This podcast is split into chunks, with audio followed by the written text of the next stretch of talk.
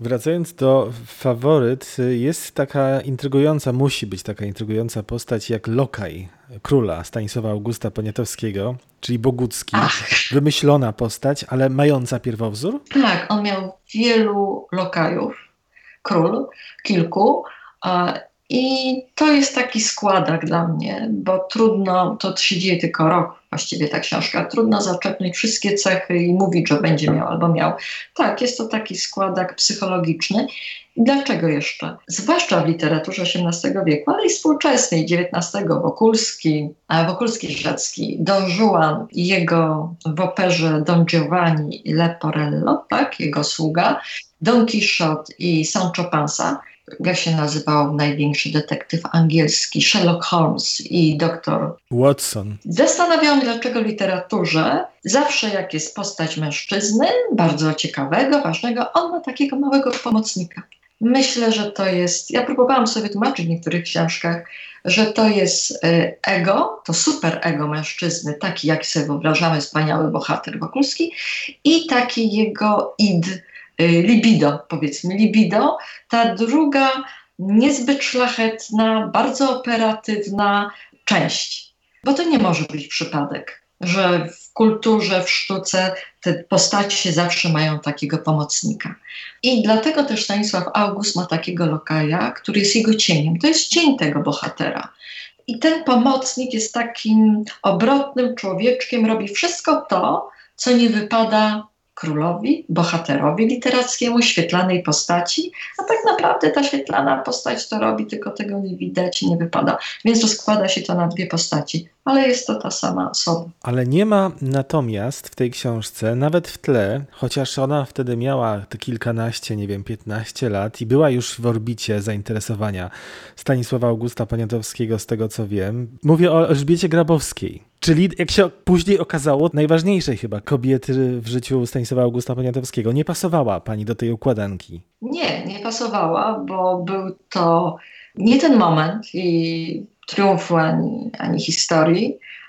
To jest dużo późniejszy czas. Absolutnie nie. To są trzy kobiety, które w tym momencie rzeczywiście konkurują. On miał mnóstwo kochanek, o czym pisze, i aktorki i tak dalej, ale tak jak podsumowała jedna z postaci, to w ogóle dla tych arystokratek to nie były osoby. To tak jak dla miliardera żebrak.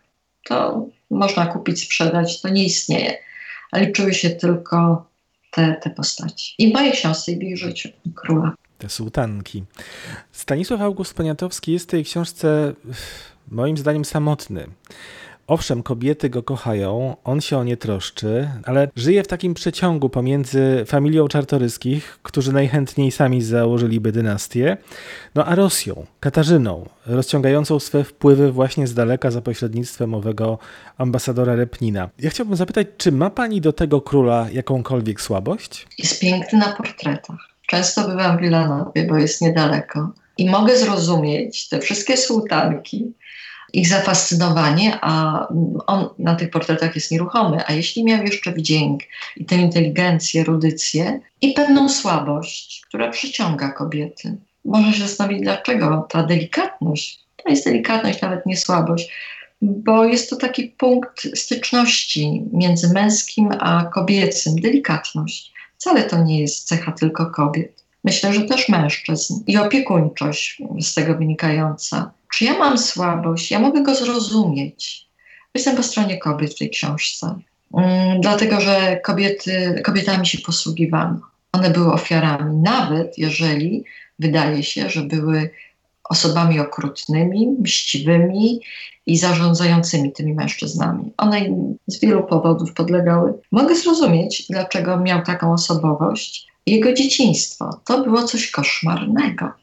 On był porwany, kiedy miał roczek, niecałe dwa. W najgorszym momencie rozwoju osoby takie maleńkie dziecko, które już ma związek z matką, to nie jest dziecko adoptowane, po prostu wyrwane, trzymane gdzieś z obcymi w jakimś lochu, bo był zakładnikiem. Jego ojciec e, popierał nie tego króla, co trzeba. I żeby wyprostować mu poglądy, porwano dziecko jako zakładnika. To było normalne w tamtych czasach. Myślę, że z tego powodu on się bał ciemności i tak dalej, jak już wrócił do rodziny szczęśliwie. Miał napady padaczki. to jest prawda, co opisuje. Myślę, że to była historia po tamtym porwaniu, jakichś potwornych urazów psychicznych. A był nieszczęśliwy i całe życie, dlatego ta caryca, myślę nawet nie politycznie, on szukał w niej ucieczki, tak jak opisuje, tylko tej matki, której mu brakowało. Był w pogoni za kobiecością, ale bardziej tą opiekuńczą a nie erotyczną. Być może był biseksem. To też w ramach epoki było czymś normalnym. Przypisywano mu różne historie, miał wspaniałych opiekunów, ambasadorów rosyjskich, ale oni byli Anglikami. To jest skomplikowane w tamtych czasach dosyć. Mm, ta Madame de Joffrin, która się pojawia, jest autentyczną postacią, była w Warszawie, narobiła takiego bałaganu. On był dla niej synem, bo ona straciła syna, zmarł, a ona była dla niego w pewien sposób matką, znienawidzoną w końcu, ale musiał być jej wdzięczny. Czy ja go lubię? To chyba nie jest odpowiednie pytanie. Myślę, czy dobrze go opisałam, żeby go inni zrozumieli, bo praca pisarska polega, myślę, głównie na stworzeniu postaci bogatej, wielostronnej, żeby zrozumieć jej działanie. E, lubię to ja, to ja mojego psa, lubię, kocham moją rodzinę. Tu się mogę fascynować i w tym sensie jest dla mnie fascynującą postacią, bo z takim pęknięciem on nie jest psychopatą, musi być, ale nim nie jest.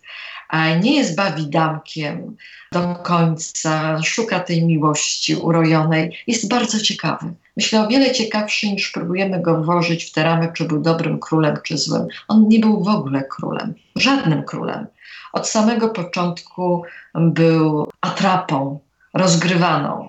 A gdyby się postawił im wszystkim, czy Carycy, czy Czartoryskim, czy Repninowi, to ta atrapa byłaby podarta jak tektura odesłana gdzieś. Więc on się utrzymywał na powierzchni i na tym polega artyzm jego panowania.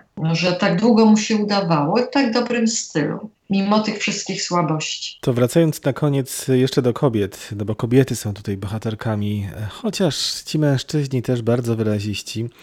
Tak patrząc e, choćby na prezydenckie wybory w Polsce. Nie ma w nich już kobiety. Zostali sami mężczyźni. Chyba zresztą w ogóle nie ma dziś w Polsce, w polskiej polityce, rzeczywiście silnej kobiety. Ani Elżbiety, ani Izabeli. No może jakaś Magdalena by się znalazła. Dlaczego? Jak pani myśli? Ale w tamtej polityce też nie było silnych kobiet. A powód jest ten sam. Polityka to walka o władzę, czyli siła. Trzeba mieć zaplecze polityczne.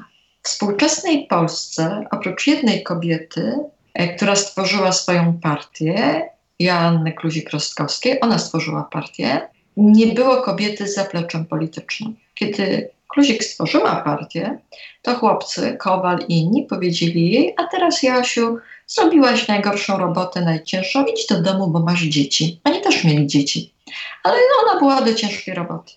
Wszystkie inne kobiety w polskiej polityce były pionkami, tak jak te arystokratki, faworytki. Pionek to jest postać, którą się wyciąga z kapelusza we własnych interesach i do czegoś służy, jako atrapa. Popieramy kobiety. Nie mamy dobrego kandydata, niech to będzie kobieta. Zużyła się, wycofujemy ją za kulisy. I to jest to samo. Czy to jest słabość kobiet? Nie. To nie jest słabość kobiet. To jest tragedia tego kraju.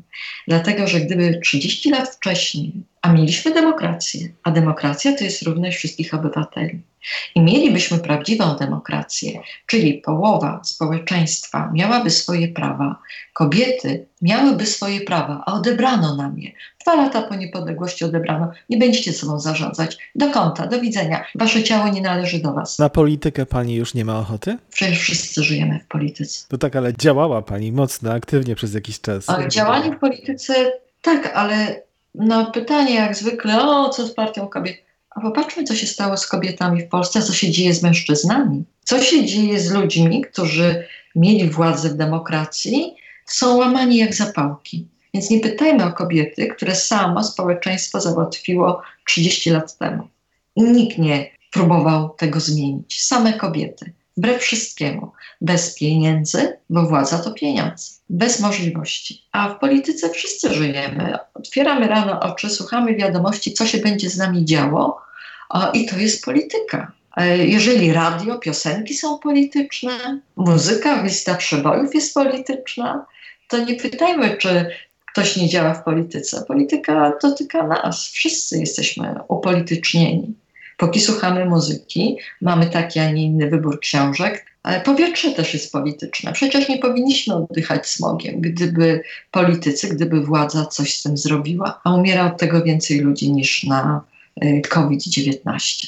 Nasza śmierć staje się polityczna, bo z powodu polityki. Nie w wojnach, w codziennym oddychaniu, z każdym oddechem. Co pani robi w czasie pandemii, pani Manuelo? Oprócz udzielania wywiadów oczywiście. Ja żyję może nawet bardziej, dlatego mm, że zawsze żyłam w pandemii swego rodzaju.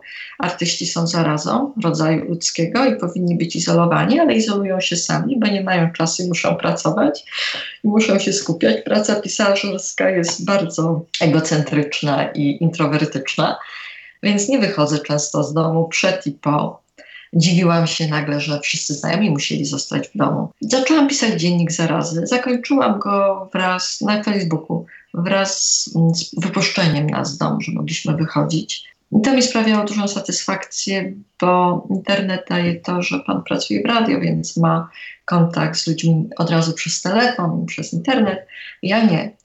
I pisząc ten dziennik zarazy, miałam od razu zwrot co ludzie myślą, czują i razem to przeżywaliśmy, bo na początku nikt nie wiedział, co będzie. Tak się to niesamowicie ułożyło, że w tym dzienniku, który ma początek i koniec, sprawa życia i śmierci, też pojawiła się sprawa życia i śmierci. Chodziłam sobie do lasu, miałam ten przywilej, że mogłam wychodzić z psem, słuchawkę miałam w uchu i słuchałam France Inter, takiego radia francuskiego, i tam podawali dzień, dwa dni wcześniej wszystkie wiadomości o wirusie, bo oni byli bardzo zaangażowani w tą walkę, mieli wcześniej. Więc mogłam się dzielić z czytelnikami najnowszymi odkryciami i wieściami. A życie i śmierć to w tym momencie okazało się tego samego dnia, że rodzi się w naszej rodzinie u Piotra, mojego męża, wnuk, jego wnuk, a moja mama umiera. I po tygodniu, tego samego dnia, to dziecko się szczęśliwie urodziło, a moja mama wyszła z reanimacji z rozrusznikiem serca. Tego by nikt nie zaplanował. Po prostu nikt. I nagle jakaś taka więź z czytelnikami, ludzie trzymają kciuki, interesują się. Tym. Nigdy mnie to nie spotkało. Nie chcę powiedzieć, że to dzięki zarazie, bo to nieładnie, ale poprzez, że takie momenty tak bardzo zbliżają. Także ja nie byłam odizolowana, byłam bliżej tysiąca ludzi, tysięcy, niż jestem zazwyczaj oddzielona swoją pracą. Jest to na odwrót ta zaraza u mnie była. To jest świetny moment, żeby postawić kropkę, jak to rozmowa z prawdziwą pisarką. Po prostu wiadomo na czym skończyć. Na kropce. Na koniec musi też być mocny akcent, mocna historia, mocna puenta. Pani Manuelo, bardzo dziękuję. To była wielka przyjemność z Panią rozmawiać i czytać Pani książkę. Dla mnie także, że, że mogłam porozmawiać z Panem i być słyszana we Wrocławiu. Dziękuję bardzo. Pozdrawiamy z Wrocławia. Dziękuję.